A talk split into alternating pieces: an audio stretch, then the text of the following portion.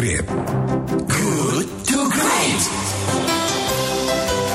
Terima kasih sahabat Kilat Anda masih di 107,1 Kilat FM Bandung Inspiring Sound Masih bersama dengan saya Aska Said Dan pagi ini kembali saya akan mengajak Anda untuk berdiskusi Dan tema di pagi hari ini adalah Bagaimana mengakselerasi kinerja perekonomian pemerintah Presiden Jokowi Di tengah berbagai tantangan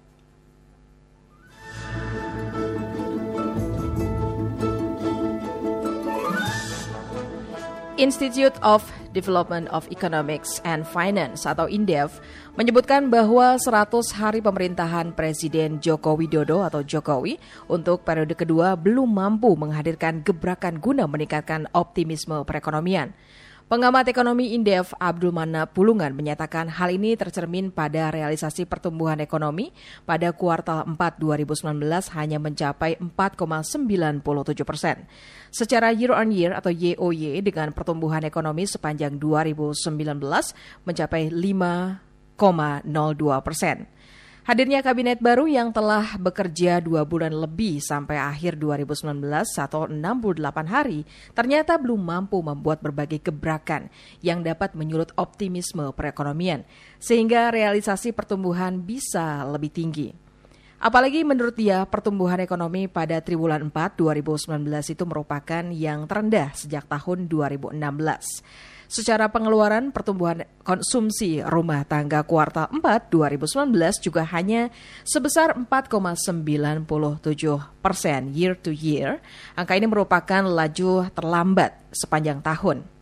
Padahal secara siklus triwulan 4 2019 merupakan salah satu periode yang sering memberi harapan bagi akselerasi perekonomian.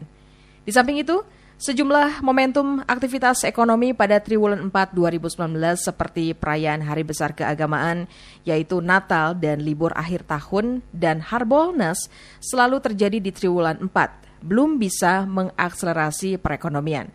Di sisi lain, Abdul Manaf juga melihat optimisme pebisnis kian meredup seiring turunnya indeks tendensi bisnis pada Desember 2019 sebesar 104,82 setelah sebelumnya September 2019 sebesar 105,33 dan Juni 2019 sebesar 108,81.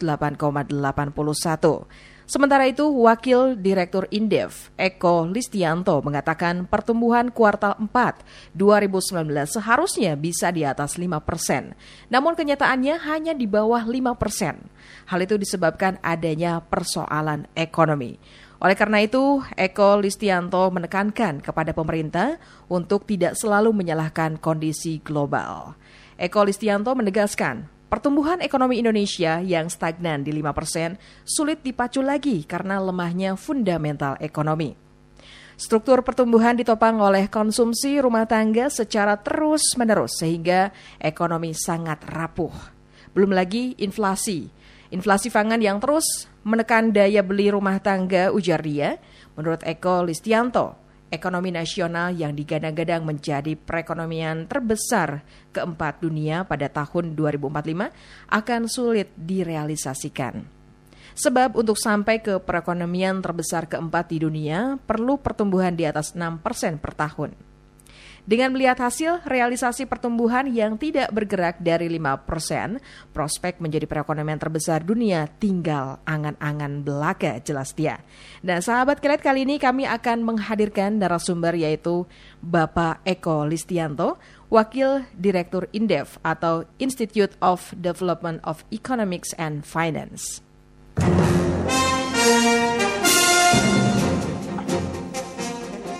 Selamat pagi Pak Eko. Ya, selamat pagi Mbak Aska. Apa kabar selamat nih Pak Eko? Sahabat Kelait, ya Alhamdulillah kabar baik Mbak. Ah, luar biasa. Pak Eko kita ngobrol sebentar nih. Iya, Pak iya, Eko, iya, baru-baru ini hmm. Indef menggelar kajian merefleksi kinerja 100 hari pemerintah uh, pemerintahan Joko Widodo. Hal-hal apa ya. saja yang cukup krusial sebagai evaluasi pemerintah ke depan, Pak Eko? Ya, uh, kalau kita melihat kinerja uh, ekonomi ya, uh, katakanlah dalam 100 hari pemerintahan gitu ya, atau itu kan karena itu terjadi di triwulan 4 ya, datanya ada di triwulan 4 sehingga ya bisa dikatakan ya ini menyangkut dengan uh, kinerja triwulan 4 gitu dan ya memang uh, tidak mengembirakan begitu ya ekonomi uh, tumbuhnya terus menerus melambat selama mm -hmm. 2019 uh, problem utamanya itu salah satunya yang terbesar ada di sektor industri gitu. Uh, industri uh, terus menerus turun uh, datanya gitu ya. Bahkan pertumbuhannya sekarang mulai jauh dari uh, pertumbuhan ekonomi itu sendiri. Jadi kalau pertumbuhan ekonomi 2019 itu 5,02 nah industrinya ini tumbuh di bawah 4 persen gitu ya. Hanya hmm. sekitar uh, 3,8 persen begitu. Jadi uh, pertumbuhan industri yang sangat rendah itu tadi itu membuat uh, ya upaya-upaya untuk mengakselerasi pertumbuhan susah gitu maupun menciptakan lapangan kerja. Kenapa? Karena porsi terbesar dari pertumbuhan ekonomi itu ada di sektor industri. Mm-hmm. Dialah yang paling banyak menyerap tenaga kerja, dialah yang uh, share-nya terbesar dibandingkan sektor-sektor yang lain begitu. Sehingga ketika industrinya sakit, maka ya semuanya jadi melemah begitu. Baik. Dalam satu sistem ekonomi itu gitu. Nah, itu dari sisi sektoralnya ya, tapi juga ada dari sisi uh, istilahnya PDB pengeluaran. Nah itu di situ ada problem uh, pertumbuhan dari uh, investasi atau pembentukan modal tetap bruto.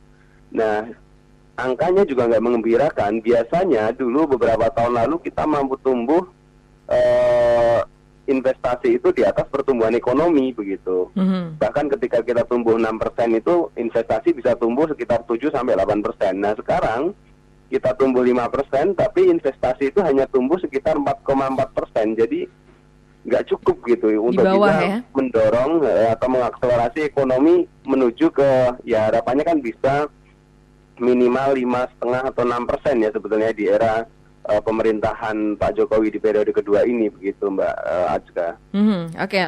ini lantas langkah apa nih yang harus dilakukan oleh pemerintah Pak Eko?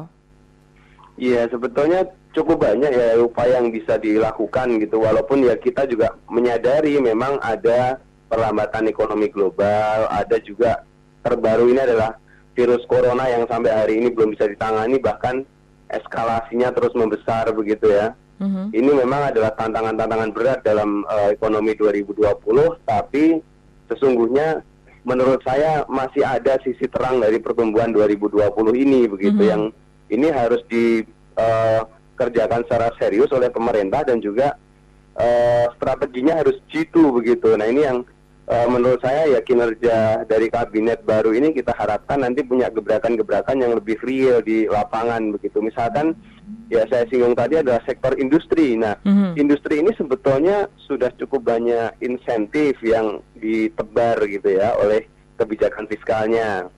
Terus juga kemudian ada beberapa uh, upaya ini ke depan kan katanya mau ada omnibus law perpajakan begitu ya. Mm-hmm. Nah ini uh, strategi ini adalah bagian dari untuk mendorong uh, dunia usaha dan industri, tapi kita juga melihat bahwa insentif yang ada selama ini itu belum efektif begitu. Kenapa? Karena seolah-olah hanya pokoknya asal uh, Anda dikasih pemotongan pajak gitu ya, terus uh, dikasih super deduction tax ya dan lain-lain gitu. Tapi kalau menurut kita ya sebetulnya yang paling dibutuhkan saat ini untuk industri itu sendiri adalah bagaimana bisa menurunkan cost dari produksinya itu penurunan biaya produksi gitu. Nah itu tercermin dari dua hal sebetulnya.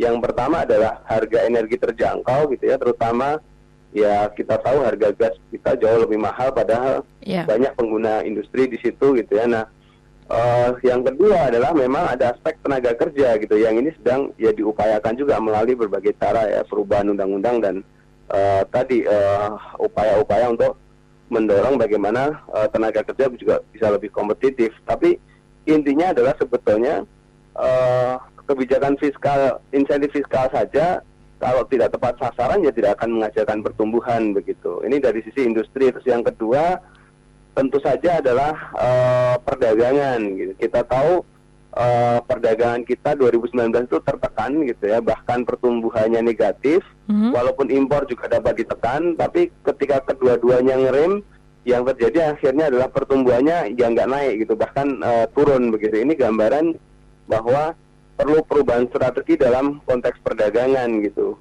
sekarang ini kan kita uh, karena virus corona itu kita mulai membatasi diri untuk uh, beberapa produk dari China lah katakanlah begitu. Padahal memang China besar sekali kontribusi hmm. dalam konteks uh, supply uh, barang ke kita. Nah ini harus kita coba uh, bangkitkan dari dalam negeri gitu kebutuhan-kebutuhan yang tadinya disuplai dari negara-negara uh, yang sekarang kita batasi sementara karena yeah. ada tadi ya perkembangan virus itu gitu. Jadi itu harusnya tidak nyari ke negara lain karena pasti susah juga nyari uh, substitusi di negara lain karena mereka juga mengutamakan kepentingan domestiknya masing-masing sehingga hmm. mau nggak mau ya kita harus kerja keras untuk membangkitkan itu dari dalam negeri gitu kebutuhan itu dicukupi dari dalam negeri gitu. Nah, hmm. Nah inilah sebetulnya pembeda dari uh, katakanlah kabinet sebelumnya gitu. Kalau mau misalkan membuat gebrakan-gebrakan yang lebih real di masyarakat begitu. Mm-hmm. Nah ini tadi Anda uh, mengatakan bahwa masih ada sisi terang untuk perkembangan perekonomian. Kira-kira gebrakan hmm. apa saja yang bisa diupayakan dari sektor perdagangan, sektor industri, investasi dan lain sebagainya, Pak Eko?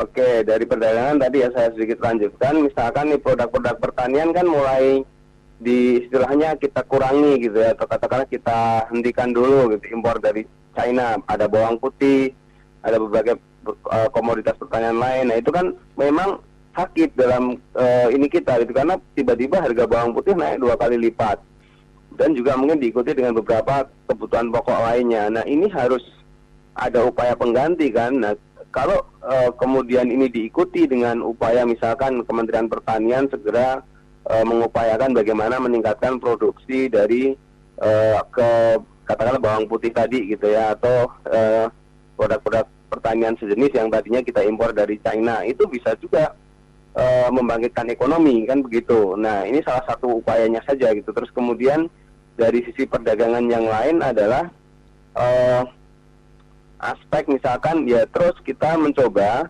kan tidak semua negara yang uh, katakanlah sekarang mulai membatasi diri ini juga bisa menghasilkan produk-produk gitu kan. Nah bagaimana kemudian kita sebagai negara agraris ini juga lebih kenceng lagi gitu ya untuk melakukan diplomasi diplomasi dagang dengan mitra-mitra dagang kita gitu ya di luar negeri gitu karena tadi uh, ya quote and quote uh, jadikan misalkan uh, katakanlah sekarang ya ancaman ekonomi di China itu karena virus corona itu yeah. kita ambil bagian akhirnya dari sisi positifnya mengambil pasarnya China gitu misalkan begitu mm -hmm. strateginya terus Kemudian dari sisi investasi, nah ini yang uh, juga growth-nya itu sebetulnya kalau realisasi investasi yang ada di uh, eh, BKPM yang tercatat itu ya, yang yang daftar itu uh, naik begitu, 12 persen angkanya.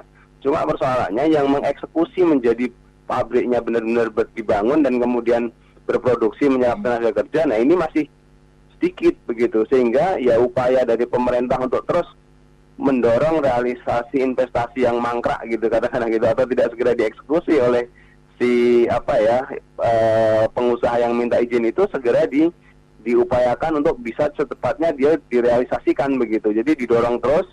Jadi jangan hanya mengejar investasi yang uh, atau promosi investasi yang ke investor-investor yang belum masuk, tapi juga yang sudah masuk ini harus dipastikan bahwa mereka akan mengeksekusi investasinya begitu. Ini juga salah satu upaya uh, katakanlah ini semacam intensifikasi investasi begitu. Ini yang harus di, diupayakan juga oleh pemerintah sehingga uh, mereka sudah punya izin, tinggal bagaimana kemudian mengeksekusi dari eh, rencana-rencana uh, mereka begitu. Nah, terus yang ketiga ya saya rasa juga adalah yang tidak kalah penting adalah menjaga daya beli masyarakatnya begitu. Yeah. Karena pertumbuhan triwulan 4 menunjukkan konsumsi menurun ini gitu. Mm. Nah, kalau kemudian konsumsi menurun padahal porsi konsumsi itu setengah lebih ya, jadi 56% dari pertumbuhan ekonomi. Kalau kemudian dia turun sedikit saja, itu pasti akan mengganggu dari pertumbuhan. Nah, apa yang harus dilakukan? Ya upayakan jangan ada kenaikan-kenaikan harga lagi begitu. Itu yang harus uh, coba dilakukan oleh pemerintah begitu. Mm -hmm. uh, untuk 2020 ini dan ke depan begitu. Baik. Pak Eko, ini lantas jika dalam 100 hari tim ekonomi Presiden Jokowi dinilai masih belum banyak terobosan ke depannya. Ini bikin greget para ekonom dan masyarakat juga. Bagaimana mengakselerasi agar pertumbuhan ekonomi membaik, Pak Eko? Oke, terkait kinerja kabinet. Jadi begini, uh, ini sebetulnya modal politiknya itu nggak kurang-kurang gitu ya. Jadi misalkan uh, kekuatan partai pemenang ya di di parlemen itu dominan ya 80% lebih. Uh, terus kemudian artinya kan ya quote and quote kalau dari sisi dunia usaha mm-hmm. mau bikin kebijakan apa aja pasti bisa dieksekusi kan gitu secara inilah ya secara teknik kan begitu ya, hitungannya gitu ya walaupun mungkin politik ya tetap ada kompromi-kompromi politik tapi maksud saya uh, pembuatan perubahan undang-undang dan lain-lain itu kemungkinan bisa lancar di DPR begitu karena uh, kekuatan yang besar dari partai pemenang ini. Nah kemudian juga uh, ya ini periode kedua Pak Jokowi sehingga kemudian masyarakat sudah tahu dunia usaha sudah tahu bagaimana track recordnya dan terpilih kembali itu kan berarti ada apresiasi sebetulnya terhadap uh, uh, apa ya upaya untuk membangun ekonomi tapi memang kalau dari angka-angka makro belum menunjukkan hasil yang uh, signifikan ya, terutama untuk pertumbuhan tadi yang terus-menerus menurun. Terus kemudian uh, yang ketiga adalah kabinet ya sebetulnya walaupun tidak semuanya orang-orang profesional, tapi memang cukup banyak juga muka-muka baru di situ wajah-wajah baru yang sebetulnya harusnya ini uh, dari sisi optimisme segera disambut gitu. Nah, ketika 100 hari ini justru indeks tendensi bisnisnya turun, terus kemudian uh, ya hasil dari triwulan 4-nya juga ternyata nggak naik gitu ya. Hmm. Ini menggambarkan bahwa sepertinya optimisme terhadap kinerja kabinet memang masih diragukan gitu oleh dunia usaha. Nah ini uh, ya tentu saja uh, belum bicara reshuffle, tapi menurut saya kasih kesempatannya cuma setahun gitu. Kalau setahun nggak bisa naikin pertumbuhan ekonomi, kinerja ekonomi ya kemungkinan tim ekonomi memang harus dirombak begitu. Itu adalah konsekuensi logis dari uh, ya kenyataan bahwa memang target dari pertumbuhan ekonomi di periode kedua ini kan juga tidak kecil begitu ya. Bahkan mungkin di RBJM itu bisa sampai 6 persen. Jadi kalau ekonomi terus menerusan turun ya memang salah satu yang harus bertanggung jawab adalah tim kabinet ekonomi itu sendiri gitu. Bagaimana mereka kemudian harus uh, membuat gebrakan yang harus lebih real sehingga tercermin dari angka-angka pertumbuhan. Nah ini yang sampai triwulan 4 ini belum kita lihat begitu. Mudah-mudahan di tahun 2020 ini bisa terlihat sehingga yeah. nanti ya uh, dunia usaha lebih optimis lah gitu ya dan ekonomi lebih baik gitu. Mm -hmm. Iya, oke. Okay.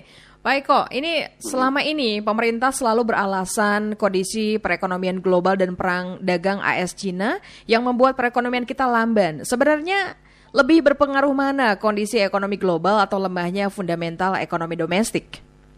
Iya, jadi di dalam analisa kita juga uh, kita katakan bahwa gejolak global sesungguhnya bukanlah ya kita bilang penyebab utama dari perlambatan ekonomi Indonesia. Karena uh, ya pameonya begini, kapan sih global itu ada kepastian? Kan nggak ada cerita global itu ada kepastian. Pasti selalu setiap tahun itu global itu isinya ya ketidakpastian gitu. Hmm. Ada yang stabil, ada yang nggak stabil gitu ya tiba-tiba ada pemakzulan Trump walaupun kemarin gagal di, di, di, di DPR-nya gitu ya. Terus tiba-tiba ada drone yang nyerang uh, ininya Saudi gitu ya. Misalkan kayak gitu. Jadi memang akan selalu terjadi kayak gitu. Bahkan sekarang berbaru virus corona. Jadi akan selalu ada dinamika global. Mm-hmm. Nah, ekonomi kita itu sesungguhnya kalau kita lihat porsi ekspor saja lah misalkan ya ekspor barang dan jasa itu tidak lebih dari 20% terhadap PDB gitu. Jadi 80% itu ditentukan oleh ekonomi domestik gitu, bukan oleh ekspor itu sendiri gitu. Sehingga dengan demikian berarti sebetulnya menjaga kesehatan atau uh, ini ekonomi domestik kita itu adalah sudah mengobati 80% dari uh, situasi ekonomi yang terjadi terlepas global itu mau bergejolak atau enggak bergejolak begitu. Okay. Nah, katakanlah dari uh, investasi asing misalkan hmm. yang masuk uh, itu juga kalau kontribusinya itu hanya sekitar 2,65 terhadap PDB. Jadi uh, secara keseluruhannya belum begitu gede juga gitu. Artinya uh, ketergantungan kita terhadap modal asing itu sesungguhnya tidak begitu besar sampai hari ini gitu loh. Sehingga kalau kemudian dikatakan kalau uh, investasi asing turun sedikit aja terus kita bergejolak ya enggak juga gitu loh karena uh, hanya 2,65 persen terhadap PDB negara-negara lain udah jauh lebih tinggi dari itu terus juga porsi uh, ya ini juga kita hitung juga PMA baru ya gitu ya jadi penanaman modal asing baru yang setiap tahun masuk itu kalau kita hitung terhadap uh, investasi PMTDB-nya gitu ya pembentukan modal tetap bruto ini agak teknis istilahnya tapi itu kontribusinya paling tidak lebih dari 10%. Mhm. Jadi angka-angka 20 persen, 2,65 terhadap PDB atau 10 persen itu tadi itu angka-angka yang men- menggambarkan bahwa global bukanlah eh, penyebab utama. Asal kita bisa fit di domestik, insya Allah ya sebetulnya eh, tidak ada persoalan gitu ya mau global bergejolak atau enggak memang ya tidak selu- sepenuhnya karena ada 20 persen tadi. Tapi maksud saya ya masih bisa diatasi lah selama kita bisa mengelola ekonomi domestik begitu. Iya. Pak Eko, yang terakhir, harapan-harapan apa nih? eh, Harapan Anda yang mewakili sebagian besar masyarakat Indonesia mengenai pertumbuhan ekonomi, Indonesia, eh, terutama pada kabinet eh, Bapak Jokowi agar tidak st- stagnan di 5%. Oke, yang pertama ya saya harapannya adalah tentu saja harapan terbesarnya 2020 adalah titik kebangkitan ekonomi Indonesia gitu ya. Eh, ini adalah awal katakanlah memang benar-benar oke kalau katakanlah 100 hari pertama kabinet ekonomi atau tim ekonomi baru menjalankan APBN yang didesain oleh pemerintahan yang lama atau katakanlah menteri-menteri yang lama.